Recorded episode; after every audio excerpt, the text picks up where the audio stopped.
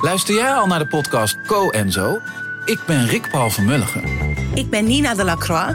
En samen met jouw man René voeden wij twee kinderen op in twee huizen. Co-ouderschap. We hebben het over alles wat je daarin tegenkomt. Maar ook over de juice tijdens onze kinderloze dagen, want die heb je ook in het co-ouderschap.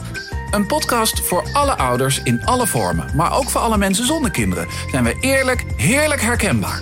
Dus luister naar Co en Zo in je favoriete podcast-app.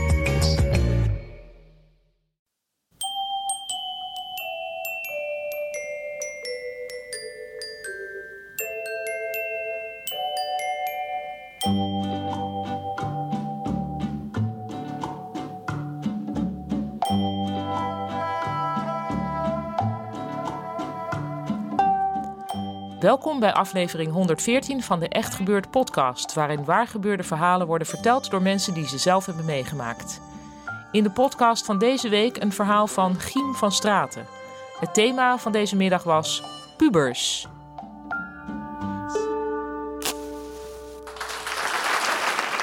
Ik was 16 jaar. Het was zomervakantie en het grootste avontuur van mijn leven ging beginnen. Ik ging namelijk voor het eerst zonder mijn ouders op vakantie. En ik zou samen gaan met Willem. En Willem kende ik al heel erg lang. Hij was een uh, jeugdvriend van mij. En uh, we gingen samen naar dezelfde basisschool. Hij woonde ook in dezelfde straat. En uh, in mijn herinnering waren we vaak buiten aan het voetballen, pingpongen of, of vissen. En op, op mijn middelbare school hoorde ik van vrienden wel eens verhalen. En dan vertelden ze dat zij al zonder hun ouders op vakantie waren geweest. En dan gingen ze met een, met een grote groep gingen ze dan naar een jongerencamping, ver weg op uh, Terschelling of uh, Renesse. En ik had zelfs wat, uh, wat vrienden die waren al naar het exotische Gersonisos geweest. En die verhalen die, die deden mij wel wat, want ik, ik wist er nog niets vanaf. Ik, ging, ik kon niet heel erg meekomen met die groep, dus ik ging ook niet mee op die vakanties. En ik was ook nog nooit uit geweest. En uh, die verhalen over, uh, over een, een, wilde stapavond, veel aandacht van meisjes, nou, dat, uh, dat leek mij ook wel wat. En ik verheugde mij ook op, een, op zo'n avond. En ik kon er wel niet meekomen met die groep, maar ik had wel Willem. En wij waren die zomer allebei 16 geworden. En wij besloten dat het ook tijd was om zonder onze ouders op vakantie te gaan. En gingen we niet naar, niet naar Renesse of een jongerencamping ver weg. Nee, dat was ons nog een stap te ver. Wij gingen naar Appeltern. Uh, dat was twee dorpen verderop. en uh, niet zomaar natuurlijk, want uh, ja, we hadden daar goed over nagedacht. Want in die week dat wij zouden gaan, zouden ook de Vierdaagse feesten van Nijmegen plaatsvinden. En de Vierdaagse feesten, dat was één grote feestweek. Heel de stad stampvol met jongeren. En daar waren wij nog nooit naartoe geweest. Dus daar zouden we ook naartoe gaan. Want als wij eenmaal op die camping zouden zitten, uh, zonder onze ouders, dan zou alles vanzelf komen. Um, zo gezegd, zo gedaan. Wij uh, op een ochtend uh, in die zomer stapten wij op onze fietsjes. We hadden het helemaal volgeladen met, met kampeerspullen en een tent en dat soort dingen. En we vertrokken. En de heenreis was een hel. Want we moesten naar twee dorpen verderop fietsen, 20 kilometer over de dijk heen. En het waaide die dag ontzettend hard, we hadden keiharde tegenwind. En uh, Willem hield eigenlijk helemaal niet van fietsen. Dus uh, met veel ja, gezwoeg en gesteun kwamen wij, uh, kwamen wij dan toch aan op camping De Gouden Ham. En we hadden natuurlijk wel een, wel een beetje gehoopt dat er, dat er leeftijdsgenoten, dat er andere jongeren zouden zijn. En wij fietsen die, fietsen die camping op, maar toen bleek dat er eigenlijk alleen maar gezinnen met jonge kinderen waren. En heel veel bejaarden die voor een staakerven zitten de hele zomer. Uh, viel een beetje tegen. Maar we, wij zetten onze tent op en uh, begonnen meteen aan onze gezamenlijke activiteit. Want we hadden één echt gezamenlijke hobby en dat was vissen. Uh, dus wij gingen vissen, maar ja, dat hadden wij na twee uur ook wel weer gezien. En, maar de avond, de avond kwam eraan. En wij hadden, een, we hadden in ons achterhoofd dat we straks de fietsen zouden pakken... en voor het eerst uit zouden gaan bij de Vierdaagse feesten.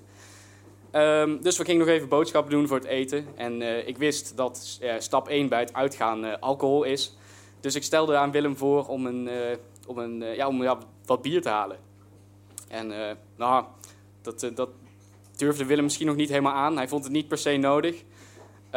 maar nou, na mijn aandringen verlieten we dan toch de supermarkt met wat eh, eten en een voorzichtig sixpackje bier. En wij kwamen terug op de camping en eh, gingen eten koken. Maar toen bleek het in één keer te gaan regenen. En keihard regenen. Eh, en nu moet ik iets vertellen over het tentje, want we hadden een tentje meegenomen. En dan kon je eigenlijk alleen maar zo naast elkaar in liggen. Daar kon je niet in zitten. Dus wij zaten onder onze paraplu op twee stoeltjes ons avondeten te koken. Maar ja, het, het regende dus. En ja, Willem had die dag al genoeg gefietst voor de rest van het jaar. En hij had er geen zin meer in uh, om naar Nijmegen te gaan. Nou, dat was de eerste avond, ging dus niet volgens plan. De volgende dag regende het nog steeds. Maar was er wel een kans. Er kwamen namelijk leeftijdsgenoten op de camping te staan. En niet zomaar leeftijdsgenoten, nee, een, een groep meisjes. En Nadat wij door uh, uitgenodigd waren voor een, voor een drankspelletje, gingen we bij hun voor de tent zitten. Maar Willem, die, Willem die dronk, dronk even niet meer. Ik weet niet waarom. Maar dan doe je toch niet echt helemaal mee met een drankspel. En, ja, dat, en op een gegeven moment we waren we toch een beetje bezig. En toen, deed, toen zei Willem van, ik ben moe, ik wil gaan slapen. En ja, ik was veel te veel te onzeker om, om zelf daar bij die groep meisjes achter te blijven. Dus ik, uh, ik droop met hem uh, mee af, terug naar de tent. En uh, ook de tweede avond werd, werd niets. de volgende dag, het regende echt nog steeds. En we hadden helemaal niks meer te doen. We zaten op onze twee stoeltjes voor de tent. ons stierlijk te vervelen. We hadden ook de kaartspelletjes gedaan, maar ja, dat hield dan na een paar uur ook wel op. En ik ergerde me ontzettend aan Willem en hij ergerde zich ook ontzettend aan mij. En op een gegeven moment gebeurde het dat hij het voorstel deed om de vakantie af te kappen. We zouden namelijk vier dagen op camping de Gouden Ham staan, maar uh, hij, uh, hij vond het uh, goed om nu de tweede dag naar huis te gaan.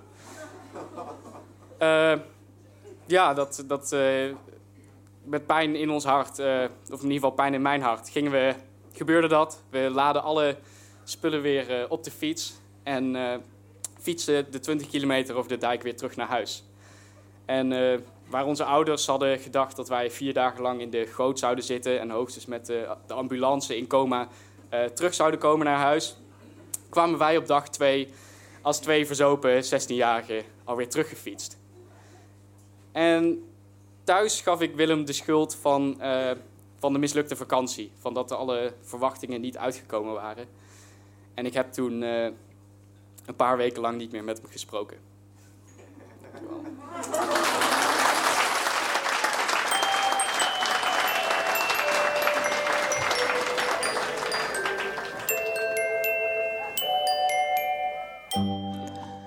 Dat was het verhaal van Giem van Straten.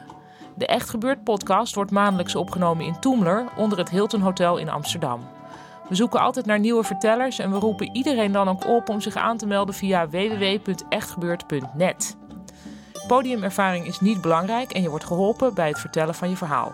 Onze volgende Echt is op 20 maart en het thema is dan De Laatste Adem. De redactie van Echt Gebeurd bestaat uit Micha Wertheim, Eva Maria Staal en mijzelf, Paulien Cornelissen.